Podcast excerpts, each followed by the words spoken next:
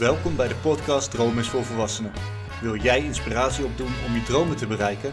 Luister dan de podcast en volg het gelijknamige Instagram kanaal om meteen op de hoogte te zijn van de nieuwste updates en extra materiaal. En als je vriend van de show wordt, dan heb je toegang tot exclusief materiaal en kom je als eerste meer te weten over de aankomende gasten en meer. Vergeet ook niet om de show 5 sterren te geven in je favoriete podcastspeler. Vandaag heb ik Carlijn Bleker te gast. Carlijn heeft zich de laatste jaren als fysiotherapeut ontwikkeld. Nadat zij als dierenartsassistente werkte en tot twee maal toe de gevolgen van een hernia heeft ervaren, besloot zij om het roer om te gooien. Dit zorgde ervoor dat zij de opleiding tot fysiotherapeut volgde en sinds 1 april is zij als trotse eigenaar in het nieuw pand getrokken met haar bedrijf Visio KB. Welke keuzes heeft zij gemaakt in haar carrière en welke tegenslagen heeft zij overkomen? Wat onderscheidt haar van de rest?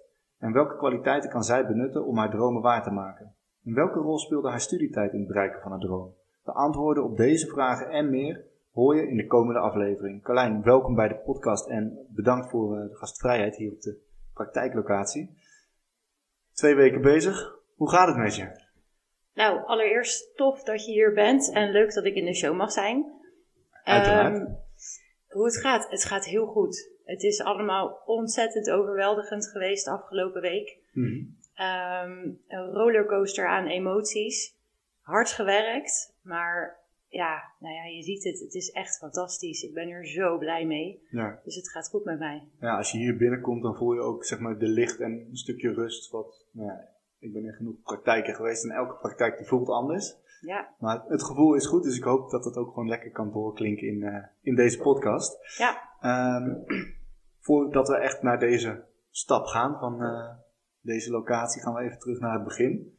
Want ik vertelde het al in de introductie. Je begon eigenlijk als dierenartsassistente. ja. Mooi verhaal. Vertel. Ehm, op de middelbare school was ik lui. En ik had HAVO-VWO-advies. Mhm. Maar ik was lui, dus toen ging ik HAVO doen. En ik bleef lui, dus toen ging ik naar MAVO. Ja. En vroeger wilde ik altijd dierenartsassistent worden.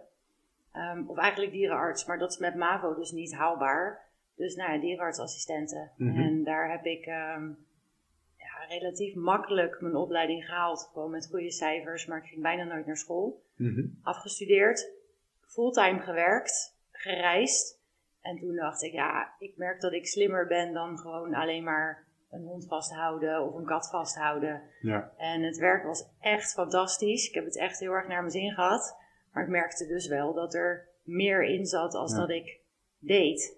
En tijdens het afstuderen had ik mijn eerste hernia gekregen. Super slecht geholpen door fysiotherapeut toen der tijd. En toen dacht ik, ja, maar dit moet anders kunnen. Ja. Dus toen ben ik begonnen met de opleiding fysiotherapie. ja. En even terug naar wat je net zei. Ehm, je was lui. Ja. Wat leverde dat jou op? Welke positieve kanten zaten eraan? Ehm, ja, jeetje, wat een vraag. Ehm, nou ja, lui in de zin van gewoon laks. En ik had niet zoveel zin om ehm, te voldoen aan, aan het standaard plaatje van de maatschappij. Mhm. Naar school gaan en huiswerk maken. En nou ja, ik heb wel eens stiekem blootjes gerookt tijdens schooltijd en dat soort dingen. Stuur je deze aflevering ook naar je ouders toe? Of dat... ik denk dat ze het wel weten en anders bij deze jongens. Ehm, ja, ik, ik, ik vond school gewoon stom. En Ja. ik, ik wist niet zo goed wat ik met mezelf aan moest. En dat ken je zelf denk ik ook wel in de puberteit. Dat je ja, ehm, aan een plaatje moet voldoen waar ik niet aan kon voldoen. Ja, en dat heeft geresulteerd in eh, nogal aparte uitspattingen, ook in kleding en in studiekeuze, vriendjeskeuze vroeger. Dus ehm, ja, ja, eigenlijk die, die luiheid of laksheid die leverde op dat jij daardoor wel eh, je eigen keuzes en pad kon bewandelen. Los van dat je achteraf tot de conclusie kwam van, ja, ja, misschien niet de slimste keuzes. Goed, aan de andere kant kunnen we elkaar de hand schudden, want ik was daarin ook, eh, ja, lui laks. Ik weet niet of dat het goede woord is, maar het ging, misschien recalcitrant. nou, het ging mij allemaal te gemakkelijk af op de middelbare school. En eh, ik weet nog wel dat ik begon eerst drie jaar op één school en daar kon je maar drie jaar zeg maar HAVO en VWO afmaken. En ik ging vanuit HAVO, VWO naar VWO door zeg maar. Mhm. En toen kwam ik in de vierde op een andere school en die was wat groter. En Nou, ik kwam dus van een kleinere school uit een klein dorp en ik ging naar een wat bekaktere dorp, zeg maar. Nou, als je ergens dan als jongen uit een boerendorp tegenaf wil zetten, dan is dat het wel. Ja. Uh, maar ik weet nog goed, na het eerste semester, toen moest ik met nog vier, vijf klasgenoten bij de mentor komen. Want wij hadden allemaal nou, flink wat onvoldoendes. Ja. Ik weet nog, er stond een 1,8 op mijn uh, ding. En, zo, zo, slecht heb ik het nooit gedaan. Nou ja, dat, dat, was dan één woordjestoets. En als er iets is waar ik een hekel aan had, was het woordjestampen. Ik heb ook verre van een talenknobbel. Uh, maar goed, toen was wel voor mij van ja, dat is allemaal leuk en aardig, maar ik ga gewoon over. Je kan zeggen wat je wil. En uiteindelijk van die groep van zes was ik inderdaad de enige die ook over was geweest. Ja, super fijn. Nou ja, uiteindelijk uh, middelbare diploma gehaald, ingestroomd. En dan komen we straks op hoe wij elkaar hebben leren kennen, maar ingestroomd mhm. op het HBO.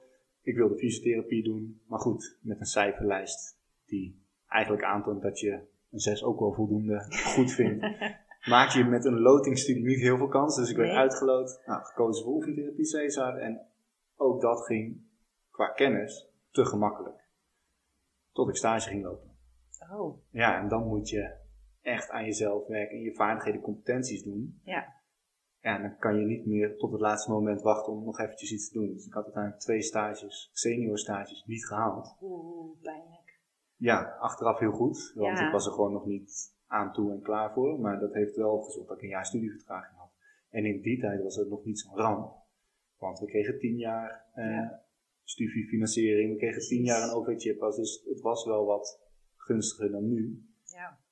Maar ja, eigenlijk die mentaliteit heeft er wel voor gezorgd dat ik gewoon wat langer erover heb gedaan om uiteindelijk het werk mijn leven in te kunnen gaan. En dus bewustere keuzes heb kunnen maken. Ja, of dat bewuster was, dat, oh. dat laat ik in het midden. Uh, dat is misschien later gekomen. Uh, maar goed, je zei van, ik kreeg die hernia tijdens het afstuderen van uh, de opleiding tot dierenarts. Ja. En eigenlijk niet goed geholpen door een fysiotherapeut. En daarna was je gaan reizen? Of daarvoor al een... nee, ik ben in 2008 heb ik mijn opleiding gehaald als dierenartsassistente. En in de afstudeerperiode heb ik dus mijn eerste operatie ook gehad. Mhm. En ik ben in eind 2008 ben ik toen drie maanden naar Australië gegaan. En in 2010 ben ik naar Thailand geweest. En daarna ben ik begonnen aan de opleiding fysiotherapie. Ja. En wat jij had, dat je niet genoeg punten had voor de lotingstudie. Ik heb een MBO-opleiding gedaan terwijl ik HAVO, VWO kon. Dus ik stond een 8,3 gemiddeld. Ja. Dus ik hoefde niet ingelood te worden. Ik, kon zo, ik werd zo, toegelaten aan de opleiding inderdaad. Ja, dus eigenlijk een positief effect van de laksheid, zeg maar. Ja, en er zijn ook wel eens mensen die dan zeggen, joh, als je het anders had kunnen doen, zou je dat dan hebben gedaan? Mhm. Nee, want ik heb absoluut geen spijt van mijn...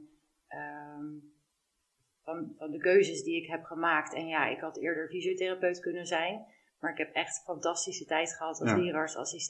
en dus ook gereisd en uh, superleuke opleiding.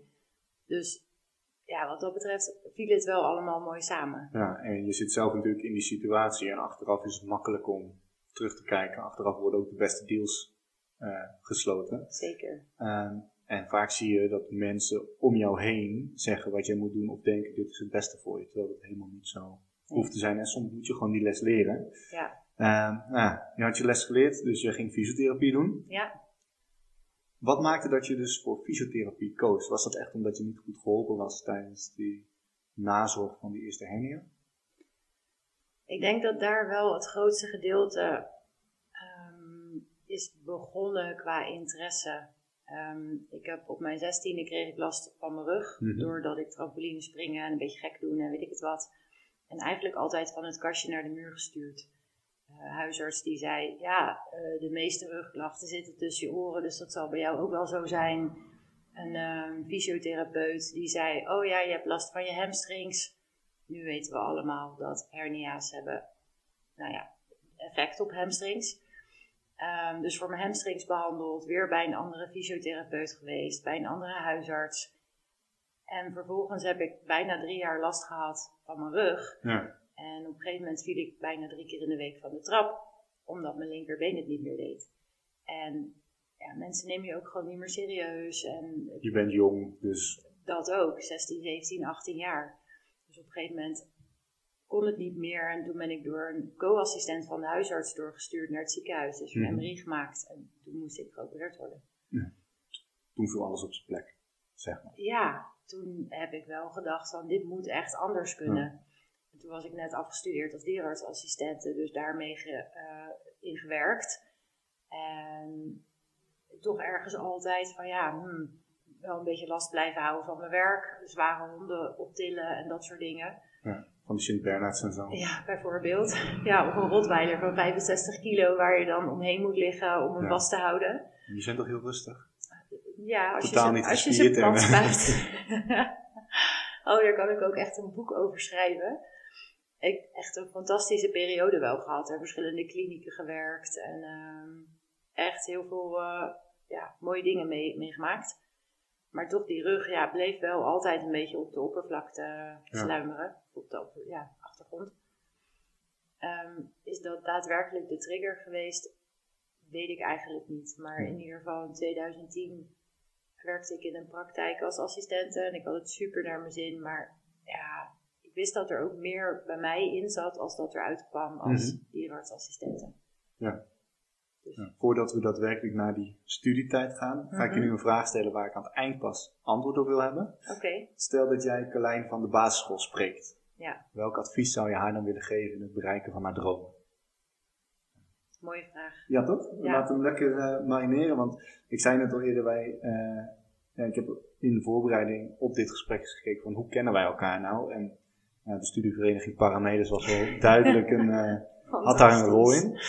Is zeker fantastisch. En ja, toen het ging over 2010, toen dacht ik, ja, toen ben ik afgestudeerd. Dus eigenlijk heb ik voor 2010 gestudeerd. En in die zomer ben jij begonnen, zeg maar. Dus Ja. ja, we hebben elkaar niet leren kennen van de opleiding zelf, maar het werk van die vereniging daaromheen. Waarbij ik als eh ja, alumni nog lekker meekom met wintersporten en dat ik soort denk dingen. dat dat het inderdaad is geweest, de wintersport met paramedes. Met Precies. die bus naar, eh, was het Briançon? Volgens mij wel, ja. Ja, hè? Briançon. ja. Ja, dat was wel... eh, dat was dan ook echt met 70 man of zo. eh, dat ja, was wel mooi. fantastisch. Ehm, Echt goed. Ja, hoe, hoe beïnvloedde zeg maar dan ehm, de studievereniging in jouw studietijd? Mooie vraag ook weer. Ehm, ik denk omdat ik al een andere opleiding had gedaan en al ouder was dan de gemiddelde fysiotherapie-student. En al een beetje mijn leven op orde had en eh, al mijn eigen huisje had en weet ik het wat allemaal. Ehm, dat dat ervoor heeft gezorgd dat ik niet een standaard student was van 18 die lag en gieren brullen in een studentenhuis in Utrecht is gaan wonen. Maar gewoon zoiets had van ik heb mijn vastigheid. Dit is wat ik wil. Ik weet wat ik kan. En van daaruit wel dus de gezelligheid van een studievereniging zoals Paramedes dus voor de wintersport. Maar verder niet het wekelijkse stappen of, Nee. eh, of de- nou ja, echt het studentenleven. Ja. Ik voelde me daar te oud voor. Of, ehm, ik weet ook dat er een paar meiden in de klas zaten, die waren dus vier jaar jonger dan ik. Mhm. Die kwamen gewoon van de HAVO. En dan gingen we een drankje doen in Utrecht. En dan moesten ze met mij mee naar binnen. Want ik had legitimatiebewijs en een rijbewijs. En nou ja, daar konden ze dus op meevaren. Ja. En toen had ik wel zoiets van, ja, ik, ik heb geen zin meer om in een studentenhuis te wonen... waar ik mijn badkamer en mijn keuken moet delen met tien anderen... terwijl Ja. ik hier gewoon mijn eigen huisje heb. Dus wat dat betreft denk ik wel dat ik een stuk serieuzer de opleiding in ben gegaan. Mhm. En daardoor dus ook wist waarvoor ik het deed. Dus gewoon heel hard kon werken om mijn diploma te halen. Ja, ja, dus eigenlijk die luiheid die je op de middelbare had, die was helemaal weg, want je had een focus, een doel van hier wil ik naartoe. En Ja. de eh, nou ja, verleidingen van het studentenleven, die had je eigenlijk wel, die op je pad kwamen, maar je was er niet gevoelig voor. Nee. En op zich wel mooi wat je zegt van, ik had al een stukje vastigheid en mijn eigen plek. Eh, nou, ik ben in mijn studententijd ook in genoeg studentenhuizen geweest dat ik achteraf dacht van, nou, dat ik niet ziek ben geworden of wat dan ook, dat, dat. dat. verbaast me ook wel. Maar eh, ik had laatst met een eh, vriendin ook uit die tijd erover van dat stukje vrijheid wat je hebt nu zeg maar, omdat je gewoon, je hebt een eigen huis, je hoeft niet rekening te houden met iemand. Precies. Hoe vrij je zeg maar in je eigen huis ook zelf kan zijn. Dat je niet bang hoeft te zijn dat keer iemand je kamer binnenkomt. Of dat je iemand op de gang tegenkomt of wat dan ook. Ja. Tenzij je inbrekers hebt, maar goed. Die ervaring heb ik gelukkig niet. Ehm, maar daarin merk je dus wel dat je al een fase verder bent. En voor mij was de studievereniging juist een kans om de ehm, ervaringen van een studentenvereniging te hebben. Zonder de lasten van een studentenvereniging. Want ik voetbalde gewoon op selectieniveau, dus op donderdag moest ik altijd trainen. Ja. Ja, dan kan ik niet ook nog even een training afzeggen om lekker in de kroeg te zitten, zeg maar. Maar zo'n wintersport was natuurlijk ook financieel super aantrekkelijk. Ja. Dat sloeg helemaal nergens op, achteraf gezien. Ik, volgens mij waren we 300 euro kwijt voor een week, inclusief les en spullen huren en de bus en eten en alles erop en eraan. Ik, heb Ja. ik, ik was nog nooit op wintersport geweest en toen dacht ik, nou als het zoveel kost, dan ga ik jaarlijks op wintersport. Hoe kan het dat iedereen tegen. zegt dat het zo duur is? I- Maar Precies dat. dan heb je het apres-skiën niet meegerekend. Nee, dat denk ik ook niet. En nou ja, ze maken altijd wel goede deals. Ja. Maar goed, dat is ook weer de omgeving waar je dan in zit. Zorgt ervoor dat je wel die dingen kan ervaren. Want mijn eerste wintersportervaring was ook met paramedes toen. Ja, sindsdien ben ik gewoon een keer of acht, negen met hun mee geweest. Ja. Totdat ik dacht van ja, nee, maar nu, nu kan ik echt gewoon niet meer mee, zeg maar. Maar toen had ik weer een andere groep gevonden. Toevallig ook via iemand van paramedes. Dus topvereniging wat dat betreft. ja, leuk. Ehm, nou, je zei al, hè, van, ik, ik had al een opleiding afgerond, zeg maar. Dus ik wist al hoe of wat en ik had al die focus. Hoe merkte je dat, zeg maar, in jouw gedrag in verhouding tot eerdere opleidingen? Ik denk dat ik veel serieuzer was en veel meer zoiets had. Kijk, het is ook wel een grappig detail. Toen ik nog dierenartsassistenten studeerde, moesten we op een gegeven moment stage lopen in een dierenwinkel. En toen zat ik hier in het winkelcentrum. Mhm. Eh, in de dierenwinkel heb ik toen stage gelopen. En ja, daar verdiende ik geld. En toen dacht ik, oh, maar nu verdien ik geld. En met dat geld kan ik leuke dingen doen. En je bent jong en je bent naïef en je wil wat. En op een gegeven moment kwam ik thuis en toen zei ik tegen mijn ouders, pap, mam, ik ga stoppen met de opleiding, want ik kan hier in de dierenwinkel fulltime werken. En dit wil ik. En eh, ik ga niet meer naar school, ik vind het verschrikkelijk. En toen ik fysiotherapie studeerde, heb ik dat helemaal niet meer gehad. Ik wist waar ik het voor deed. Ik heb echt vol motivatie. Ik werkte als een ehm, eh, sportbegeleider in een, in een fitnesscentrum, als eh fysio-student. Dat soort dingetjes heb Mhm. ik erbij gedaan. Om maar meer kennis over het vak te krijgen. En ik weet nog, de allereerste stage in het eerste jaar krijg je dan zo'n dagstage wat je dan Ja, moet lopen. Zo'n snuffelstage. Snuffelstage, ja precies. Die liep ik bij Topsportcentrum Rotterdam. Mhm. En op een gegeven moment komt, mocht ik iemand trainen en begeleiden. En toen kwam mijn stagebegeleider naar me toe en die zei: En hoe voelt dat nou, een, eh, een voetballer van, volgens mij zei hij Feyenoord of kan ook Sparta zijn geweest. En toen was ik helemaal flabbergasted. Oh wauw, een echt een voetballer. En daar was ik zo van onder de indruk Mhm. dat, dat je daadwerkelijk iets kan betekenen voor die mensen. Ja. En dieren zijn fantastisch en ik kan me geen leven voorstellen zonder dieren. Maar mensen helpen op, in de diepere laag, ja, dat is echt wel mijn, eh, mijn levensdoel geworden, zeg maar. En dat, daar kwam ik dus achter tijdens de opleiding. ja. En als je dan kijkt, hè, van wat heeft dan er echt voor gezorgd dat jij je opleiding gehaald hebt? Doorzetten. Echt doorzetten, vasthouden. ehm, een doel voor ogen hebben. En weten ehm, wat je zelf wil bereiken voor andere mensen als therapeut zijnde. Mhm. En dus niet die therapeut die zegt: Oh ja, maar de meeste mensen hebben wel last van hun rug. Dus ja, je moet er maar mee leren leven. Ja. En daar juist de verandering in brengen. En dat doorzettingsvermogen, eh, ben je tijdens je opleiding, heb je, veel tegenslagen gehad of wat dan ook? Dat dat echt noodzakelijk was?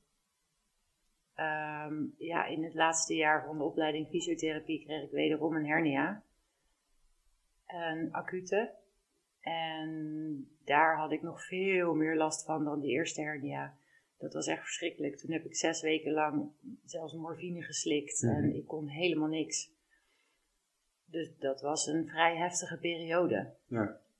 En ja, ondanks dus na die operatie, tweede operatie, toch ook weer gewoon mijn, mijn ehm, eh, scriptie afmaken en onderzoek en dat soort dingen. voor jouw voorbeeld, ik had zeg maar het idee dat ik in het laatste jaar van de opleiding fysiotherapie mijn afstudeerstage kon doen en mijn scriptie kon schrijven, maar ook nog eventjes een baan zoeken en gewoon, ik wilde alles tegelijk. Ja. En ik denk dat die tweede herdia ervoor heeft gezorgd dat ik werd teruggefloten. Zo van, joh, hey, je hoeft niet in april of maart al af te studeren als de rest het gewoon in juni doet. Dus niks mis mee. Dus ik denk dat dat ergens een rem is geweest om de teugels te laten vieren en minder perfectionistisch het laatste jaar door te komen. Ja. En wat deed dat dan met jou? Nou ja, ik voelde het als falen, want potverdorie, ik had weer een hernia. Ja. Potverdorie, je kan niet vier maanden eerder afstuderen. Ja, en daar heb ik zo hard gewerkt en alles gegeven. En dan word ik weer keihard teruggefloten. Althans, ik denk nog niet dat het toen al teruggefloten voelde. Ik denk dat het gewoon voelde als falen in mijn lijf. Mhm. En nu de laatste paar jaren is die mindset een beetje omgegaan. Maar Ja. ja, toen op dat moment dacht ik echt, kut lijf, waarom nou weer? Ik zal er een piepje onder zetten. Ja.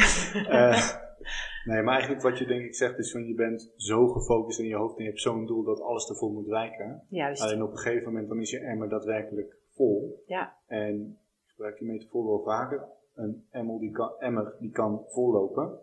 En het spreekwoord is natuurlijk de laatste druppel die de emmer doet overlopen. Maar als die overloopt is het niet één druppel dat eruit gaat. Er komt altijd Ja. meer mee. En nou, het klinkt een beetje alsof je dat hebt ervaren en dan ja, laat je lijfje in de steek terwijl je zo goed bezig was. ja, Maar dat zijn natuurlijk twee verschillende dingen. Hoe jij goed bezig was en je lijf die je terug eh, precies. roept. Ehm, maar uiteindelijk is dat dus wel wat je nodig had. Op dat moment, ja, Ja. zeker. Dus eigenlijk gaf het juist dat wat jij nodig had. Precies. Uiteindelijk, hè, je was afgestudeerd.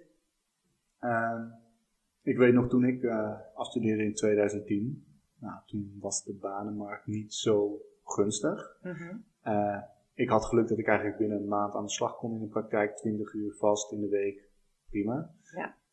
Maar ik weet wel dat in die jaren daarna het niet rooskleuriger werd.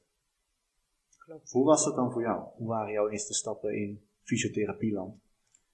Oh, ook echt heel intens. Ik ben dan dus iets later dan dat ik voor mezelf had bedacht afgestudeerd. Ehm, en toen kreeg ik een baan bij de fitnessclub in Rotterdam Blijdorp. Daar de Mhm. wijk, daar zat een hele grote sportschool, de fitnessclub. En dat was van een bepaalde fysiomaatschappij, zeg maar. En daar werkte ik in loondienst en dat was allemaal leuk en aardig. En er zat in die sportschool zat er nog geen fysiotherapeut. Dus mijn allereerste maand heb ik gewerkt in de eh, groepsleszaal met een, zo'n room divider klapschermpje op een inklap behandelbank. Zonder stoel, zonder computer. Terwijl aan de ene kant was dus eh, een, een groepsles bezig en ik was dus mensen aan het behandelen. Super ongemakkelijk, maar ik was helemaal blij, want yes, Ja. ik had een baan. En dat heb ik eigenlijk uitgebouwd tot een, een, eigenlijk gewoon een fulltime baan. En toen had ik met mijn toenmalige relatie, hadden wij een vakantie naar Nieuw-Zeeland gepland van vijf weken in december, januari. En een paar weken voordat wij naar Nieuw-Zeeland zouden gaan, werd de fitnessclub werd verkocht aan Fit for Free. En Fit for Free werkte alleen maar met ehm, fysiotherapeuten van Your Body Fysiotherapie. En Your Body werkte alleen maar met zelfstandig fysiotherapeuten. Dus voordat ik naar Nieuw-Zeeland ging, moest ik de keus maken of ik kom terug als zelfstandig fysiotherapeut, terwijl ik net drie maanden een baan heb. Mhm. Of ik heb, kom terug uit Nieuw-Zeeland en ik heb geen baan meer en ik weet niet wat ik moet doen. En toen ben ik naar de Kamer van Koophandel gegaan. Toen heb ik een ehm, bedrijf gestart, fysiotherapie Carlijn Bleker. En ik ben naar Nieuw-Zeeland gegaan en toen ik terugkwam ben ik binnen Fit for Free. Heb ik me verhuurd als het ware aan Your Body. En toen ben ik, kon ik blijven werken. Ja. Ehm, en daar heb ik tot 2016 heb ik daar gewerkt. Ja, dus eigenlijk jouw eerste half jaar bestond uit blij dat ik een baan heb, maar er is hier nog niemand, dus ik moet zelf mijn cliëntenbestand opbouwen. Yep. Naar, oké, heel goed gedaan deze drie maanden, maar de manier waarop we het nu doen gaat stoppen. Ja. Dus eh, als je wil blijven, kan je ZZP worden. Oh ja, Ja. ik ga eerst nog even naar Nieuw-Zeeland. Ja, Kijk maar wat je doet. ja, dat. Dus het was heel snel schakelen. Terwijl, naar mijn idee, moet je als je net bent afgestudeerd, dan eh, moet je gewoon hè, vertrouwen krijgen in het werk. In, eh, dit- ik denk dat jij dat ook nog wel kan herinneren als je net bent afgestudeerd. Dat je dan voor het eerst in je eentje zonder stagebegeleider iemands arm beetpakt. Dat je denkt, oh, maar dit is echt heel spannend. Ja, ik weet nog wel dat mijn eerste werk, zeg maar, ik mocht toen eh, bij de laatste stageplek waar ik had gelopen, kon ik drie weken waarnemen. Dus ik zat in een vertrouwde omgeving met Oh, vertrouwde patiënten om die stapjes te maken. Dus dat was inderdaad hartstikke fijn. Ja, Ehm, maar wel inderdaad zo dat tijdens je stageperiode heb ik het ook meegemaakt dat ik, had ik een begeleider die zei, het was op een ba- basisschool voor eigenlijk SBO. ja. En dit zijn de kinderen, eh, ik ga naar aanhuispatiënten. Dat is dag één. Oh god. Hoe dan? Ja, uiteindelijk heb ik die stage niet gehaald. Dat was een van de twee. Ja, Ehm, maar ook dat er werd gezegd van ja, we zien niet dat je groei maakt. Maar achteraf denk ik, ja, maar ik heb ook geen kans gehad om te groeien. Want het was letterlijk zo, dit zijn mijn kinderen die behandeld moeten worden. succes. Ja, en dat is natuurlijk ook, toen ik stagebegeleider was, wist ik één ding. Die manier gaan we niet doen. Nee, Eh, ik wil dat mijn stagiaires in die periode dat ze bij mij zijn, zelf kunnen behandelen. Ja. Zelfstandig kunnen behandelen. Op een manier dat ik ze ook alleen met de patiënt in de behandelkamer kan laten. Dat we echt gewoon het vertrouwen hebben. En dat ging dan om behandelingen bij patiënten die makkelijk waren. Dan ging het om het geven van een ontspanningsoefening. Of vertrouwen. Precies. Maar echt super laagdrempelig, maar wel van ga maar ervaren. Ja. En daarna bespreken we het en ik nam altijd wel de tijd om te kunnen bespreken. Ik werkte ook in de loondienst, dus ik had niet de zorg van, oh. Tijd, tijd. tijd, eh, patiënten, geld. eh, nee, dat had ik allemaal niet. Nee. Dus ik kon me veel meer focussen op de kwaliteit die ik ja, wilde hebben. En ik heb uiteindelijk denk ik ook wel wekelijks ben twee tot vier uur per stagiaire bezig geweest om die te begeleiden. Waarschijnlijk ook omdat je zelf zo'n slechte ervaring hebt gehad. Dat Ja. je dacht, maar dit gun ik niemand. Nee, het was zelfs zo dat op een gegeven moment de opleiding zei tegen iedereen die zijn stage of haar stage niet gehaald had, ga maar naar Paul toe. Want Ja, en op zich hartstikke mooi compliment. ja, En dan zag je dat het 9 van de 10 keer waren gewoon prima stagiaires. Alleen was die klik er niet. nee. En ja, ik vind het belangrijk dat iemand zich gewoon op de plek waar ze zijn of met mij werken vertrouwd kunnen voelen om te kunnen ontwikkelen. Ja. En uiteindelijk daar te komen waar ze hopelijk willen zijn. Maar andersom net zo goed. Op het moment dat je een stagiair voor je hebt die onderuitgezakt ongeïnteresseerd is, is het ook heel lastig om jouw positiviteit erin te stoppen. Ja, ik, eh, er is ook eentje die heeft het niet gehaald. Die Ja, was, dat- was na twee weken weg. Ja, Maar dat was ook dat die, eh, dat ik meteen, ja, ik kwam ook gewoon te laat en die, ja, het was echt bizar. Ja. Maar dat ik ook meteen schakelde in de opleiding van, ja, dit wordt hem niet. zo een Ja, eh, probeer het. ook gehad. Ja. Probeer het toch nog. Ja, prima, maar dit zijn de feiten, zeg maar.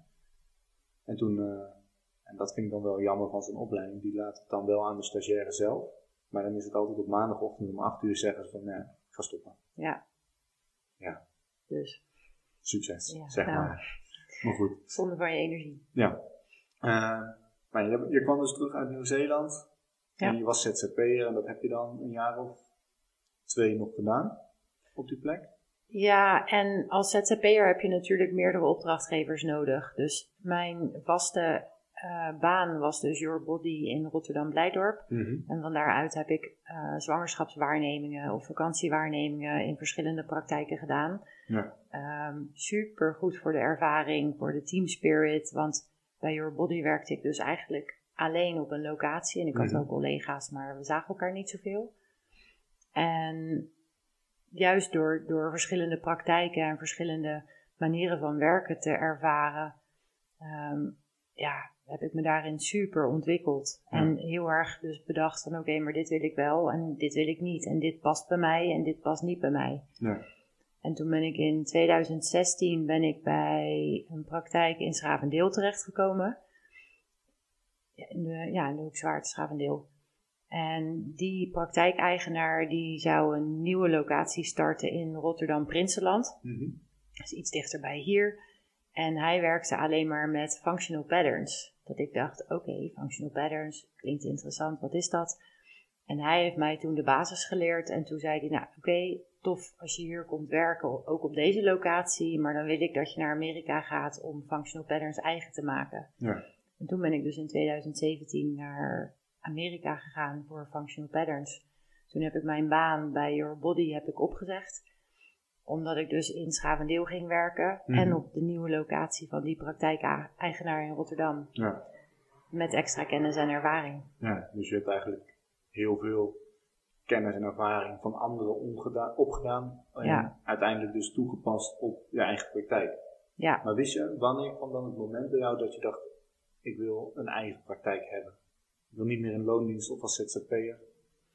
Mm, nou ja, als ZZP'er was het natuurlijk sowieso al de keus eigenlijk of ik kom terug uit Nieuw-Zeeland of met een baan of zonder baan. Dus moest ik wel ZZP'er worden. Voor mij was dat de meest logische verklaring.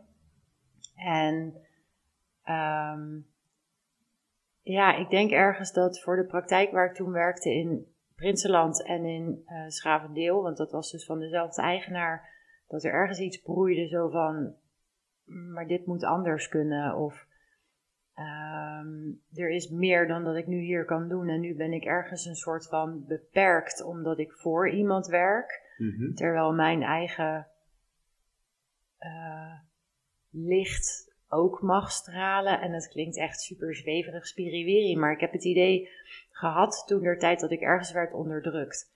Of ik heb me laten onderdrukken, of althans zo voelde het. Waardoor ik niet kon doen wat ik wilde doen. Ja. En toen ben ik dus weggegaan bij die praktijk in Prinsenland. Ben ik wel nog een, twee ochtenden blijven werken in eh Schavendeel. En toen kreeg ik de mogelijkheid om binnen ehm, een personal training studio in Capelle, Sportlijf. Zij gingen naar een nieuwe locatie en hadden een ruimte over waar ze eh, fysiotherapie konden doen. Mhm. En ik kende iemand die daar trainde en die belde mij en die zegt, joh Carlijn, eh, is dit iets voor jou? Ja. En ik weet nog dat dat was in 2017. En toen dacht ik, ja, maar het is een beetje te vroeg. En ik zat toen niet zo lekker in mijn vel. En toen dacht ik, ja, maar dit is niks voor mij. En laat me eerst maar gewoon eventjes hè, mijn draai zien te vinden. En in 2018 kreeg ik nog een keer de vraag: Hey, Sportlijf zoekt nog steeds een fysiotherapeut. Is het wat voor jou? En toen dacht ik: Nu komt het voor de tweede keer op mijn pad. Nu moet ik het beetpakken. Ja. Dus toen ben ik met die gasten gaan praten. En toen ben ik eerst dus binnen Sportlijf eh, fysiotherapie. Ja, fysiotherapie Carlijn Bleker. Ja, Ja. Was dat dan anders dan jouw eerste baan, zeg maar? Bij eh, de sportschoolketen? Eigenlijk niet. Want ik heb dus ehm, daar ook al van scratch alles zelf opgebouwd. Er was geen fysiotherapeut. Ik heb door netwerken, door gezellig rondlopen, door mijn ding te doen, ehm, heb ik binnen, binnen ehm, Fit for Free een netwerk opgebouwd. Maar dus ook binnen Sportlijf. En Sportlijf heeft me daar ontzettend in geholpen. Want toen ik daar voor het eerst kwam, ja, ik had eh, twee mensen onder behandeling. En verder zeiden die gasten van, joh, hey, heb je klachten? Wij hebben tegenwoordig een fysio, ga daar eens een keertje naartoe. En dat is dus eigenlijk enorm gegroeid Mhm. in een jaar tijd. Zodanig dat ik na een jaar had gezegd, hey, ik stop met mijn andere werkzaamheden. En ik ga hier volledig mijn Ja. tijd en energie in steken. Ja, dus je kon gewoon op basis van de uitkomsten van jouw investering de keuze maken om met één werkplek te stoppen. Ja. Eigenlijk. Ja. Ehm, maar ja, fysiotherapie Carlijn Bleker was natuurlijk wel jouw ZZP-bestaan, zeg maar. Ja. Wanneer kwam dan die omslag van, oké, ik wil niet meer als ZZP'er werken, maar ik wil echt gewoon mijn eigen toko hebben. Ja, dat is dan dus binnen Sportlijf geweest. Ja. Toen ik nog als ZZP'er binnen eh, in Schavendeel werkte en in Prinsenland. En dus ook als gewoon zelfstandig, hey, dit is mijn praktijk in Sportlijf. Ik huur Mhm. een kamer. En dat is ontzettend hard gegroeid. En je moet wel weten, wanneer kwam de corona in 2020? Drie jaar terug. Ja, ik heb in 2019 ben ik begonnen bij Sportlijf met één kamer. Mhm. Eind 2019 ben ik eh, op vakantie gegaan naar Canada. Toen kwam ik terug in januari 2020. En toen had ik alleen nog maar fysiotherapie Carlijn Bleker. En twee maanden later kwam corona. Ja. En toen moest de praktijk dicht. Oh, ik heb gehuild, Paul, niet normaal. Want ik had geen zekerheid meer, ik had helemaal niks meer. En Zoals, corona eh, kwam, heel veel mensen. zoals heel veel mensen. Maar ik was net twee maanden bezig en ik had echt helemaal niks. Ja. Toen heb ik heel hard gewerkt, of gehuild. Ik heb heel hard gehuild. En toen dacht ik, Was ook werk. ja, ook werken was heel hard werken. En toen dacht ik van, weet je, misschien is dit gewoon even een teken en dan kan ik eens tijd steken aan mijn bedrijf Mhm. in plaats van in mijn bedrijf en website bouwen, visitekaartjes, dat soort dingetjes en weet ik het wat. Eh, en als de toko dan weer open mag, nou dan kunnen we vol gas, vol energie kunnen we weer knallen. Ja. En in die drie maanden dat het gesloten was, ik heb niks gedaan. Helemaal niks. Ik heb geslapen, ik heb gerelaxed, ik heb een beetje voor zover het kon natuurlijk van het leven genoten. En ik dacht, ik zie het wel. Ja. Ik denk dat het voor mij ook, net als die hernia, Mhm. weer even een teken was van toegeven aan het feit dat ik niks kan en genieten van de rust en de ruimte. Want ik, bij mij is altijd alles vol gas. Ja. ja, zo herken ik je ook nog wel een beetje. Eh, maar juist maar niet dan... vol gas van die piste af, hè? Want nee, nee, dat nee. was geen succes. Nee, dat, dat kan beter gewoon rustig eh slalom met parallel en pizzapunten. Precies. Eh, nee, maar wat je eigenlijk zegt is dat je door externe factoren was je bewust om te pauzeren. Ja, En moest je pauzeren en reflecteren en uiteindelijk kunnen we nog zoveel goede plannen hebben. ja, Van ik ga tijdens die lockdown lekker aan mijn bedrijf werken. ja, Ja, dan is er maar één ding wat er moet gebeuren. ja. Dan moet je het ook gaan doen, zeg maar. En het mooie is ook ehm, tijdens het opbouwen van mijn echte eigen praktijk. Dus het bouwen van een website, het bouwen van visitekaartjes, een logo ontwerpen. Bij mij moest het altijd perfect. Dus ehm, tijdens het starten van mijn eigen praktijk binnen Sportlijf heb ik mijn derde hernia gekregen. Dus ik werd wederom even keihard teruggefloten. En ook toen was ik er nog niet ehm, bewust van dat ik rustig aan mo- moest doen.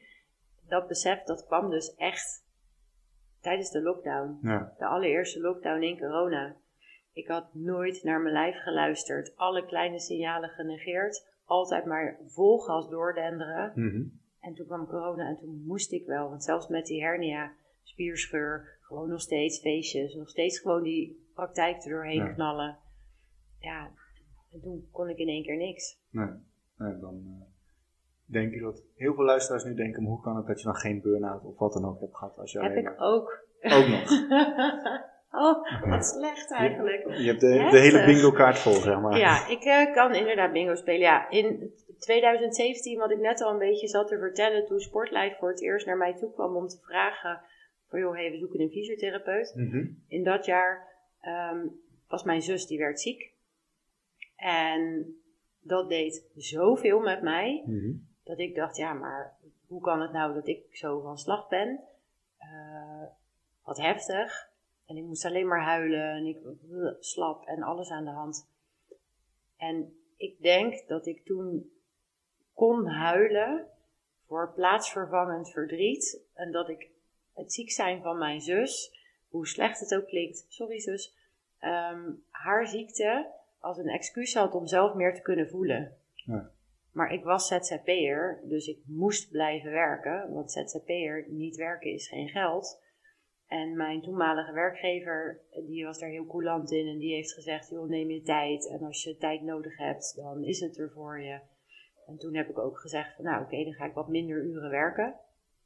Ehm, psychologische hulp gezocht, ben een haptonoom eh, geweest om maar mezelf meer oké te voelen. Ja. Nou en in 2018 voelde ik me beter. Dus toen dacht Toen ik, ja, en een burn-out, ja.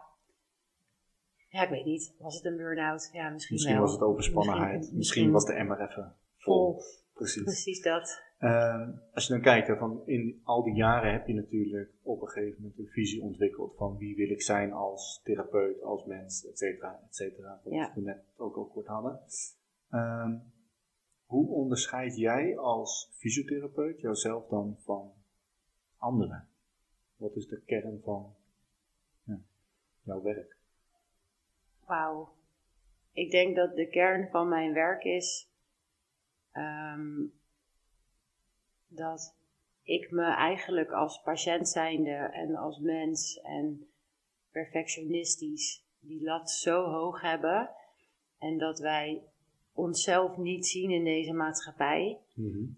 En dat ik nu, ik ben nu 35, en ik ben ook nu pas aan het leren van wat is er nou echt interessant en belangrijk in het leven. En het draait niet om leuk saldo op de bank. Tuurlijk is het fijn, want je kan leuke dingen ermee doen. Maar de diepere kern vind ik veel belangrijker. En ik ben er ook heilig van overtuigd dat je lijf heeft altijd gelijk. En als je alle kleine signalen negeert, dan op een gegeven moment slaat het leven je onderuit. En Mhm. het nou met een hernia's of met een burn-out of met heel vervelend kanker of wat dan ook. Dat is wat mij ook trok in jouw verhaal. Er is iets heel heftigs nodig voordat je gas terugneemt Ja. en gaat refereren naar, oké, maar wat is er nu echt belangrijk? En ik heb heel veel mensen die gewoon een pijntje hier en een pijntje daar hebben. Maar als ik door ga vragen, heeft iedereen veel meer shit. En iedereen blokkeert in zijn gevoel. Die denkt, ja, nou, ik ben een keertje moe en we gaan weer door. Ja. En dat wil ik bij de mensen voorkomen, omdat ik zelf het bewijs ben van burn-out, hernia, nog een hernia, operatie, dingen, noem het maar. Ja. Ehm, ergens had ik ook, toen ik deze praktijk ging starten en toen ik in ehm, december te horen kreeg van hé, hey, ik heb de sleutel, dus allemaal, of het is rond, in maart krijg ik de sleutel, dat ik dacht, oké, nou daar gaan we weer, nu krijg ik vast weer een hernia. Maar ik heb deze periode juist super goed doorgekomen, omdat ik naar mijn lijf heb geluisterd. En als ik moe was, dan ging ik om half negen naar bed. Ja. Niet van, oh ja, maar het is wel raar om om half negen naar bed te gaan. Of ja, maar ik moet dit of ik moet dat. Van wie dan? Ja. En juist door echt naar mijn eigen kern, mijn eigen koor te kijken. Wat is er voor mij belangrijk? ehm, ben ik gewoon die periode heel goed doorgekomen. En het stukje perfectionisme losgelaten. En dat heb ik dus ook hier in de praktijk. Het is zeker niet perfect. Het hoeft ook niet, want niemand is perfect. Nee. En de vraag is ook, gaat het om de perfecte buitenkant? Of het hart, de ziel die er rondloopt, zeg maar, die ervoor zorgt dat de kwaliteit geleverd wordt? Precies dat. Ja. Ik heb net toevallig opgeschreven privé versus werk. Dus hoe zit jouw werk en privé, hoe werkt dat samen? En daarin zie je eigenlijk dat de lessen die jij als persoon hebt geleerd, ook buiten het werk om, die koppel je terug richting ja, jou. Ja. Patiënten, cliëntengroep, afhankelijk Ja. natuurlijk van hoe je het, eh, hoe je het wil noemen. Ja, Ehm, maar daarin kijk je dus ook gewoon breder naar niet alleen dat pijntje, want in Nederland is het zo. Doe maar normaal, dan doe je al gek genoeg. Vooral niet met je hoofd boven het maaiveld uit. juist. En vooral niet trots zijn op de dingen die je hebt bereikt, want oh, stel je voor dat. Nee, juist wel. Ja. Eh, wees trots op de dingen die je hebt bereikt. Ja. Zo simpel En dat is het mooie, hè, nu met deze praktijk. Er zijn dus heel veel mensen die hier binnenkomen en zeggen: Oh ja, wauw, mooi. Je moet echt trots zijn op jezelf. Ja, En dan denk ik: Nou, ik ben trots op mezelf dat dit hier staat, maar ik ben vooral trots op het hele proces. ja, Dat ik ieder stukje, de keuken, de kamers, de muurtjes, de vloeren, alles ehm, over heb na kunnen denken. En dat ik dat perfectionisme heb losgelaten. En dat ik denk, hé, hey, maar enerzijds, shit, het moet in vier weken klaar zijn. Mhm. Want dan moet ik bij Sportlijf eruit. ja, Terwijl, wat is klaar? Ik heb mijn handen, ik heb een behandelbank. Ik kan met een flesje water, kan ik jou heel zwaar aan het werk zetten. Dus wat is klaar? Nou ja, Ja. je ziet het, er missen nog wat hier her en der, wat plintjes en wat dingetjes. Maar het is, voor mij is het echt perfect. En het is, wat jij zei, daar ben ik super blij mee op het moment dat je hier binnenkomt lopen. Dat het gewoon fijn en warm Ja. voelt. En wat dat betreft ook hè, in deze maatschappij, gaat allemaal hard en door en maar knokken en maar vechten. Waar is het moment om te onthaasten en Mhm. op te laden? Ja, maar ik laat op, want ik sport vier keer in de week en dat is echt mijn uitlaatklep. Oké, maar wij mensen kunnen niet meer niks doen, Nee. want dan gaat het hoofd aan en daar worden we bang van. Ja, we moeten denken. Precies, dus we gaan maar scrollen, Netflixen, we gaan maar wijntjes drinken en een heel groot sociaal leven. Ja, kap daarmee. Ja. Keer Het is, prima een keer. om, het is prima om af en toe te doen. Ja, zeker. Oh, maar ik ben ook echt absoluut niet perfect Nee. hoor. En ik heb ook alweer... Ja, ik wil, geen wijn. Oh, Dus- ik maak wel eens een grapje. Ik ben uh, parttime alcoholist. Ik hou van een wijntje en een biertje. En nu mooie weer komt eraan. En dan zie je mij ook echt wel op het terras met een biertje zitten. En ik rook ook echt af en toe een sigaretje. Ik ben niet perfect. En omdat ik dat nu in alle oprechtheid kan omarmen. Mhm. Ja, dat is zo mooi om dat te ervaren. Ja. maar dat is denk ik ook wel de vrijheid die je nu jezelf hebt gegund om dat perfectionisme los te laten. Juist. En niet te kijken naar het. En toevallig hadden we afgelopen week hadden we nog even app-contact en uh, op Facebook heb je natuurlijk al die herinneringen, zeg Ja. maar. Ik ben nu bezig om al die herinneringen op te schonen, maar toevallig kwam een bericht van jou van, oh, ik heb mijn toets gehaald met een 7,3. En toen dacht ik, oh ja, jij was toen zo gefocust dat je, en dat begrijp ik nu op basis van je verhaal, je wilde gewoon die opleiding halen. Ja, Dat je soms gewoon zorgen maakte of je opleiding of toetsen wel ging halen, zeg maar. ja, En nu met deze praktijk, je had vier weken, ja. maar je wist dat je het ging halen. Ja. Er is geen twijfel geweest Nee. of jij het wel zou halen. Ik, oh, maar ik heb zeker slapeloze nachten gehad. Ja, maar dan moet je ook niet de hele nacht doorwerken. oh, is dat? En dan moet je, niet, moet je gaan Netflix en scrollen. Dan hoef je er niet over te denken. Ja, Nee, maar dat mag ook. Ja. dat, eh, ik spreek genoeg mensen die, en die voelen het zich dan af en toe gewoon wat waardeloos of wat dan ook. Maar zonder dalen heb je geen pieken. precies. Mooi Dus- gezegd. Ja, Ja. nou, nou, Ja, ik kan zo een boek schrijven. Oh, echt? Allemaal tekens. Ehm, als je dan kijkt, hè, van je hebt nu deze plek, zeg maar. Ehm, wat is jouw droom, zeg maar, binnen fysiotherapie wereld? Waar wil je naartoe? Ja, dat is mooi, want tijdens de voorbereiding had je natuurlijk al die vraag had ik opgeschreven en ik had hem al bekeken. Ehm, als je dit een jaar geleden aan mij had gevraagd, dan had ik gezegd, oh, over vijf jaar dan heb ik mijn eigen fysiopraktijk. Echt een eigen praktijk, waar gezondheid en holisme en vitaliteit alles centraal staat. We zijn nu een jaar verder, ik ben nu twee weken hier open. Dit is Hm. mijn droom dit is wat ik heb neergezet en ik ben nu nog maar alleen. Ehm, in zoverre, ik werk met Eva en Tess en Anissa komt erbij voor één dag in de week. Dus ik heb al best wel een aardig team opgebouwd. Mhm. Mijn droom is om hier echt gezondheid next level. Een orthomoleculair hormoontherapeut, een osteopaat, een traumatherapeut, een eh, acupuncturist. Ehm, om zo nog meer gezondheid prioriteit te maken. Ja. En niet zozeer, oh ik heb hier pijn, hier heb je een zalfje of een pilletje of een dingetje, weet ik veel wat. Of ik heb last van mijn elleboog en elleboog gaan behandelen. Mhm. Maar het complete plaatje, dat is voor mij het allerbelangrijkste. Ehm, niet alleen vanuit de opleiding in Amerika, Functional Patterns, maar juist ook immuunsysteem en ademhaling. En die ijsbaden, die zijn niet voor niks helemaal hot en happening tegenwoordig. ja, dat is natuurlijk al, ik denk 2016 of zo. Ja, Nee, eerder nog. Toen heb ik al de boeken van Wim Hof gelezen. doe je zelf ook koud douchen? Oeh, meestal niet, nee. Maar nee, dat, eh, ik heb een sunshower. ja, ook lekker. Zeker lekker. Nee, maar dat, eh, nou af en toe dan doe ik het wel of wat dan ook. Maar het is niet dat ik bewust ga koud douchen. Maar het is ook niet zo dat ik bewust de wa- het warme water altijd enorm moet aanzetten. Nee, Ik stap gewoon, ja, het is voor mij functioneel vaak het douchen. je bent je er bewust van, je hebt de kennis en je doet ermee wat je er op dat moment mee wil doen. Helemaal niks. Precies, ook goed. Nou, en ik ook, hè. Daarin ook. Ik, nogmaals, ik ben niet perfect. En ik heb echt wel af en toe, hier vlakbij heb je dan de Zevenhuizenplas. Nou, dan, dan was het eh, november. Dan ging ik met mijn beste vriendinnetje om eh, half zeven ochtends, want dan is het donker en dan ziet niemand je. Toch ergens weer een stukje schaamte. Mhm. gingen wij die Zevenhuizenplas in. Ja. Koud en ademen. Doe maar normaal. Dan doe je gek genoeg. Zeg En wat is normaal? Nou ja, Dat is Wat anders. Precies. En wat dat betreft, ik ben hier oké mee. Ik ben content. Ik ben oprecht. De keuzes die ik maak, daar kan ik tegenwoordig veel beter en veel duidelijker over nadenken. Dus of ik Mhm. wel of niet in dat ijsbad stap, eh, of in de Zevenhuizenplas. Ik zet het op Instagram en ik krijg echt reacties. Oh, je bent niet goed. Maar ja, prima. Dan ben Ja. ik maar niet goed. Maar ik word er blij van. Dus leven en laten leven. Ja. Ik heb de kennis, ik deel de kennis met je en jij moet ermee doen wat je ermee wil doen. Hoe is dan social media, zeg maar, daarin voor jou als mens in praktijk?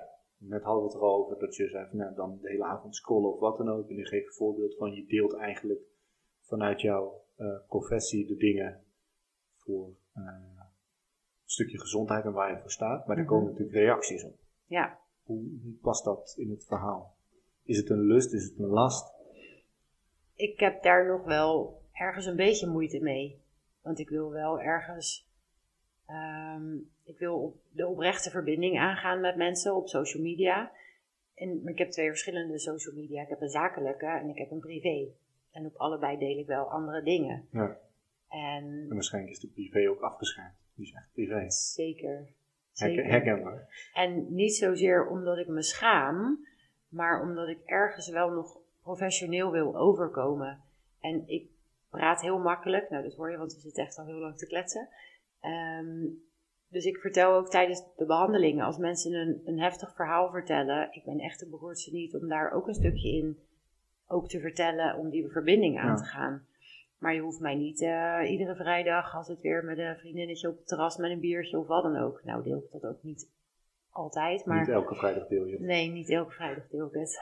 Vandaag, eh, vandaag zit ik niet op het terras. Dan hebben we dit gesprek. ja, maar wat ik vooral merk met het, het zakelijke stukje, ehm, soms dan ben ik nogal zweverig en een beetje spiriwiri.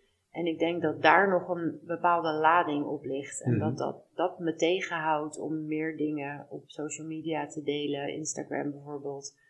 Ehm, dat mensen al snel zoiets hebben. Oh ja, oh daar heb je haar weer, zweefteef. En de- ergens vind ik het niet erg, want ik heb me om, mezelf omarmd daarin. En ik ben er oké mee. Maar aan de andere kant, ja, wat voor praktijk wil ik neerzetten? Ja. En in die fa- fase nu, met net twee weken open, vind ik dat nog soms wel lastig. Ja, dat snap ik. En het is natuurlijk wel zo dat de mensen die eh, reageren, het zijn vaak de mensen die kunnen reageren omdat het lekker anoniem van achter een schermpje is. En Ja. het hoeft niet recht in je gezicht gezegd te worden. Zeker waar. Eh, en vaak komt het het onbegrip. Omdat mensen niet begrijpen waarom of wat dan ook je iets doet. En het is voor hun bijzonder of gek of geef er een benaming aan. Ja, wat onbekend is maakt onbemind. En dan moet je het vooral wegstoten in plaats van onderzoeken van goh. Ja, Maar wat betekent dit nou en wat kan het voor mij betekenen? ja, En ja, het openstaan voor kansen, dat is letterlijk denk ik wat ook in het bereiken van dromen je moet proberen. En als ik in jouw hele verhaal kijk, dan heb je echt wel heel veel kansen op je pad gehad die je ook daadwerkelijk hebt kunnen aangrijpen. Ja. En eigenlijk is die luiheid in je middelbare schooltijd een kans geweest. En het Ja. klinkt heel gek, maar dat heeft ervoor gezorgd dat jij jouw eigen identiteit kon ontwikkelen en van daaruit verder kon gaan met ja, wat wil ik nou eigenlijk, waar wil ik naartoe? ja. En het is maar goed dat je niet in die dierenwinkel uiteindelijk bent. eh, Nee, daar ben ik heel blij mee. Bedankt pap en mam, want dit hebben jullie eh dankzij jullie zit ja, ik nu hier. precies. Mede dankzij. Precies. Eh, uiteindelijk moet je het natuurlijk ook zelf doen. Ja, Eh, maar om even aan jou te vragen Paul. ja, Jij bent natuurlijk van therapeut en ding. Heb je nu ook een bedrijf, Dromen voor Volwassenen? Je hebt een boek geschreven. Krijg jij niet allemaal oordelen, veroordelen, dingen? ik moet zeggen dat het heel erg meevalt. Eh, ik deel ook echt wel bewust dingen, zeg maar. Eh, laatst heb ik een workshop gehouden en dat deel ik dan. Binnenkort ga ik er ook weer wat, eh, waarschijnlijk als deze podcast uit is, dan staat ook de recap met videobeeld daarvan. Eh, mijn belangrijkste doel met, nou ja, je noemt het bedrijf, maar het is één van de dingen die ik voor mijn massagebedrijf, zeg maar, ook doe. Mhm. Ehm, ook al kan je het eigenlijk niet meer een massagebedrijf noemen, want het is veel meer inmiddels. Ja, Eh, maar ik wil mensen inspireren. Ik wil laten zien dat iedereen zijn of haar dromen kan bereiken. Eh, daarom de podcast. En je ziet in mijn podcast dat ik niet per se BN'ers heb die ergens hoog in de boom zitten of wat dan ook. Nee, degene die je op het terras kan tegenkomen of die je buurman of buurvrouw kan zijn. Dat zijn ook mensen die hun dromen kunnen waarmaken. Een droom hoeft niet per se beroemd worden of wat dan ook zijn. ja, Eh, kijk, vroeger toen wij jong waren, dan wilde je beroemde springruiter. Ja, ja. bijvoorbeeld, ja, tegenwoordig wil je YouTuber worden. Oh ja. Eh, maar goed, wat je dan ziet is alleen het topje van de ijsberg. Je ziet niet die route daar naartoe. En ik wil juist die route daar naartoe laten zien, laten ervaren. Ook, nou, in dit gesprek komt het ook naar voren. Eh, de reacties die ik krijg zijn vaak door het gebruik van hashtags meteen allemaal van die automatische bots die zeggen, oh promotiebericht op dit account. En dan denk ik, gaan we niet doen. Uh, maar ik krijg eigenlijk heel veel toffe reacties op podcastopnames of wat dan ook. De mensen het echt een leuk, interessant gesprek vinden. Eén uh, keertje heb ik een reactie gehad uh, dat de kwaliteit van de opname slecht was. Maar dat wist ik ook. Uh, ja. Het hoeft niet perfect. Nee, maar dit, dit was echt wel beneden. Nou ja, ik heb toen met iemand in een professionele studio gezeten om er nog wat van te maken, omdat het mezelf niet lukte. Dus ik weet dat ik keihard heb geïnvesteerd in tijd en ja, geluk. Nou, dan heb je het weer over je netwerk, wie ken je? Ja, die man die is geluidstechnicus, audiotechnicus, uh, dat, is, dat is hetzelfde. Uh, maar goed, die heeft ook een hele studio met echt een mengpaneel net zo groot als dit, deze tafel waar aan zitten. Ja, als hij er niks van kan maken, dan weet ik niet waar ik het dan moet, moet brengen. Maar uiteindelijk, het verhaal is wel te volgen, alleen het ligt wat minder lekker in het gehoor. Maar de inhoud, ja. die is goed. Er is nog niemand die iets heeft gezegd, negatief gezien, over de inhoud. En dan is het weer waar het in het leven om draait. Precies. Het gaat over inhoud. Ja, en kijk, het is ook niet zo dat ik 3 miljoen volgers heb op Instagram. Het zou hartstikke leuk zijn, maar dat is niet het doel. Mensen vragen, ja, wat levert de podcast op? Ja, heel veel toffe gesprekken. En ik kom verbinding. Op verbinding. Ik kom op heel veel toffe plekken waar ik... Laatst was ik in de studio of eh, op de plek waar de gitaren van Danny Vera gemaakt worden. Ja, dat had ik drie jaar geleden. Ja, maar drie jaar geleden had ik dat niet ervaren, zeg maar. Überhaupt verwacht dat ik daar ging zitten. Ik heb met uh, iemand gesproken die wereldrecordhouder vogelskijker is. Dat, dat, verwacht je niet, zeg maar. Bondspecht, hè? Ja, precies. die uh, toevallig, uh, ja, we werden dan, toen ook nog aangevallen door een knobbelzwaan. Oh, dus we moesten bij even heel snel, gelukkig kwam een oud mannetje met later, die zei, jullie moeten hier weg, want dat mannetje gaat jullie zo aanvallen. En die man die ging gewoon roepen tegen die zwaan en uh, nou, konden wij gewoon rustig weg. Echt een man van 80 plus. Fantastisch. Ja, dat was wel, ook wel een goed verhaal. Ja. Ehm, maar ja, je komt gewoon op plekken en met mensen in contact. En ik vind het belangrijk om ook mijn eigen leven zo waardevol mogelijk en zoveel mogelijk dromen te kunnen bereiken daarin. Uh, de gasten die ik spreek voor de podcast, sommige die ken ik al jaren, andere ken ik niet. Dan vragen mensen mij, hoe kom je erbij? Ja, ik heb ze een berichtje gestuurd. En ze reageren er goed op. Uh, nou, jij bent de eerste die mij actief benaderd heeft. En dacht ik, ja, dit past er ook gewoon in. En er zijn genoeg andere therapeuten, zeg maar, die misschien dromen van een eigen praktijk of wat dan ook, maar niet weten hoe ze daar naartoe moeten. Nou, oh ja, maar dat wist ik ook niet. Nee, precies, dat leer je gaandeweg. Precies. Maar misschien is juist zo'n podcast dan wel tof om te kijken nou, misschien is dit wel een manier of moet ik Carlijn volgen om te kijken van, nou, wat kan dat mij leren, zeg maar. Ja. En ik hoef niet, uh, tenminste laat ik het anders zeggen, mijn belangrijkste doel is inspireren en verbinden. Ik hoef niet als een soort professor of een, zoals tijdens de opleiding zeiden, een sage on the stage te oreren of wat dan ook. Nee. Nee, dan ga, ik ben meer een soort mediator, katalysator om anderen te inspireren en om de boodschap van mijn gasten bijvoorbeeld de deur uit te doen of ja. een kanaal te bieden. Ja. Meer niet. Ik heb, geen, ja, ik heb geen winstoogmerk. Bij de podcast vraagt men dus hoeveel streams heb je? Ja, maakt het uit. Ja. Ik heb liever 10 streams per aflevering, dat die 10 echt de inhoud hebben begrepen en vanuit hun eigen dromen hebben kunnen waarmaken, dan dat ik 1 miljoen streams heb waarbij je ziet dat iedereen na 5 minuten is afgehaakt. Ja, dat, kwaliteit over kwantiteit. En uiteindelijk, er zit nog steeds in alles groei. Dus, ja. En het is gewoon, ik vind het vooral, en dat is misschien het belangrijkste, heel leuk om te doen. Ja. Als je doet wat je leuk vindt, dan wordt het, makkelijk, hè? En ook wordt het leven wat mooier. Ja. Um, als je dan terugkijkt hè, op dit hele verhaal, maar ook op jouw uh, start bij de praktijk, welke tegenslagen ben jij uh, tegengekomen? Los dan van de fysieke problemen waar we het eerder uh, over hebben gehad. Mm, nou, het, het lastige is om Um, en daar hadden we het al een beetje over toen je natuurlijk binnenkwam. Mhm. Ik ben fysiotherapeut, dus ik ben gewoon 30 uur in de week aan het werk.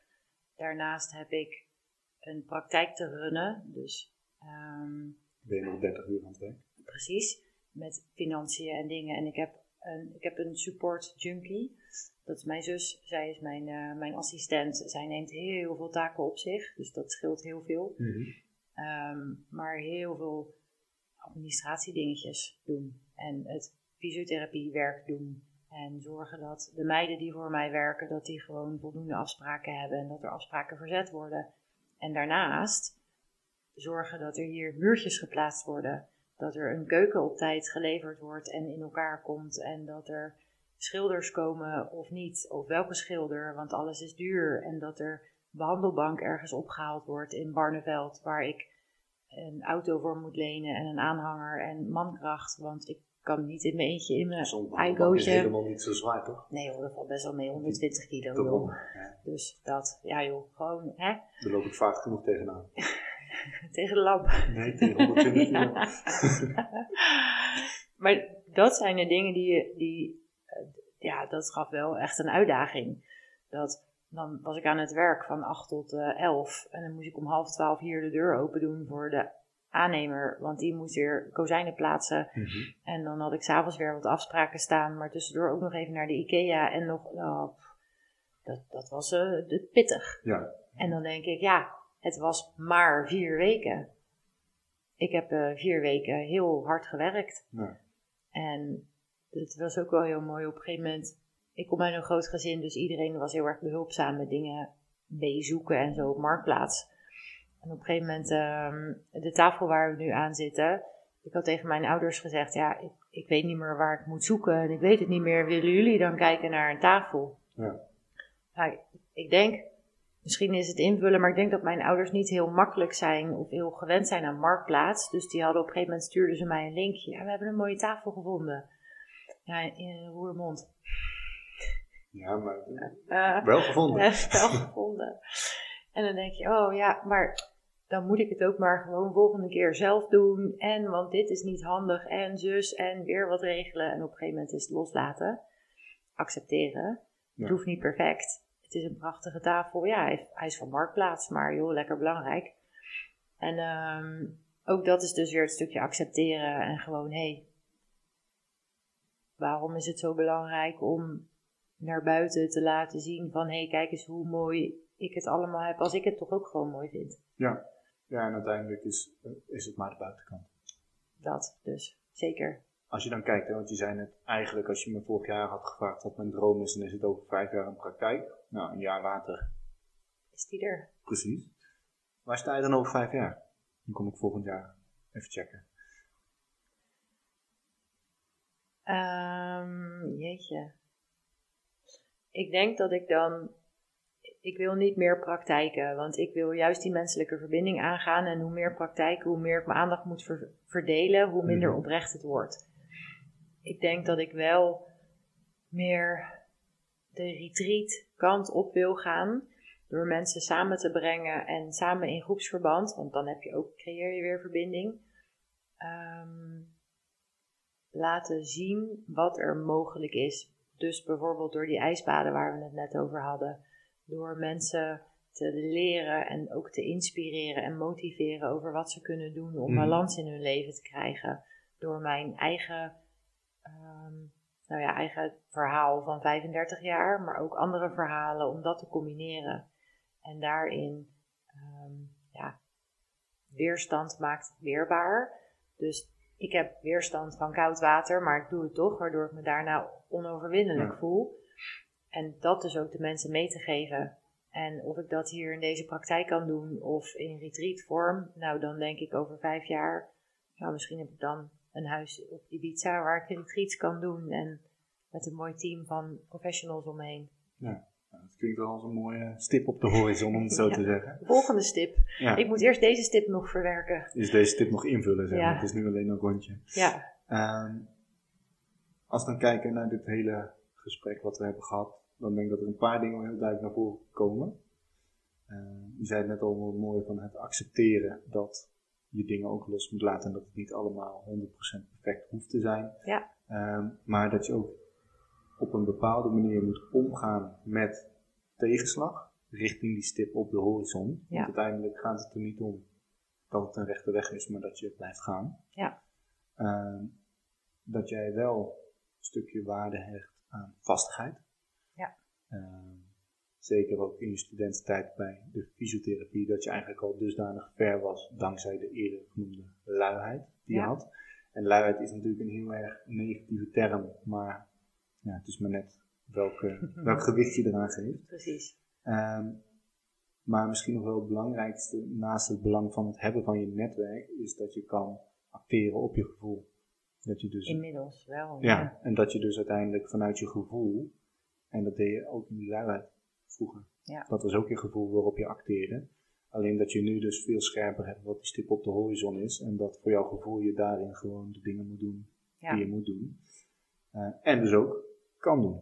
Ja. Eh, stel nou hè, dat mensen zeggen, nou dit verhaal, ik wil, eh, ja, het lijkt me wel handig om in contact te komen met Carlijn, zeg maar, waar kunnen ze jou vinden online? Sowieso op mijn website www.fysiokb.nl En ik zet het gewoon netjes in de show notes, dus Helemaal dat goed. maakt het makkelijk. En op Instagram ben ik ook te vinden, fysiokb. Ehm, en voor iedereen als tip van mij, ik heb ooit een, ehm, een quote gelezen en dat was niet het vallen is falen, maar het weigeren op te staan. Ja. En ik vind dat echt een prachtige quote, maar buiten dat, niemand zegt jou wanneer je weer op moet staan. En soms als je op de grond ligt en je ziet alles van een ander perspectief, ja, dan krijg je ook weer nieuwe inzichten En kansen misschien wel. en kansen. En ik denk dat dat voor iedereen die luistert, dat dat het allerbelangrijkste is. Ehm, hoe harder je trekt, hoe zwaarder het wordt, hoe moeilijker het is. En Ja. juist door dat te accepteren, oké, ik ben even gevallen, ik lig even op de grond, ik weet even niet wat ik met mezelf aan moet. Accepteer het, want het antwoord komt. Ik denk dat het een hele, hele mooie is. En als we het dan hebben over perspectieven, die eh, kleine Carlijn van de basisschool, Ja, welk advies zou jij willen geven? Het bereiken van haar dromen. go for it en volg je eigen pad. Ehm, maakt niet uit hoe donker het is. Het is je eigen pad. En als jij straalt en jij doet je eigen ding, dan ben jij het licht tussen aanhalingstekens op je eigen pad. Ja. Stap voor stap, de juiste richting. Van toch die eh, spirituele Ja, nog even omdoen. mooi hè? Ja, zeker. Dankjewel. Jij ook, dankjewel.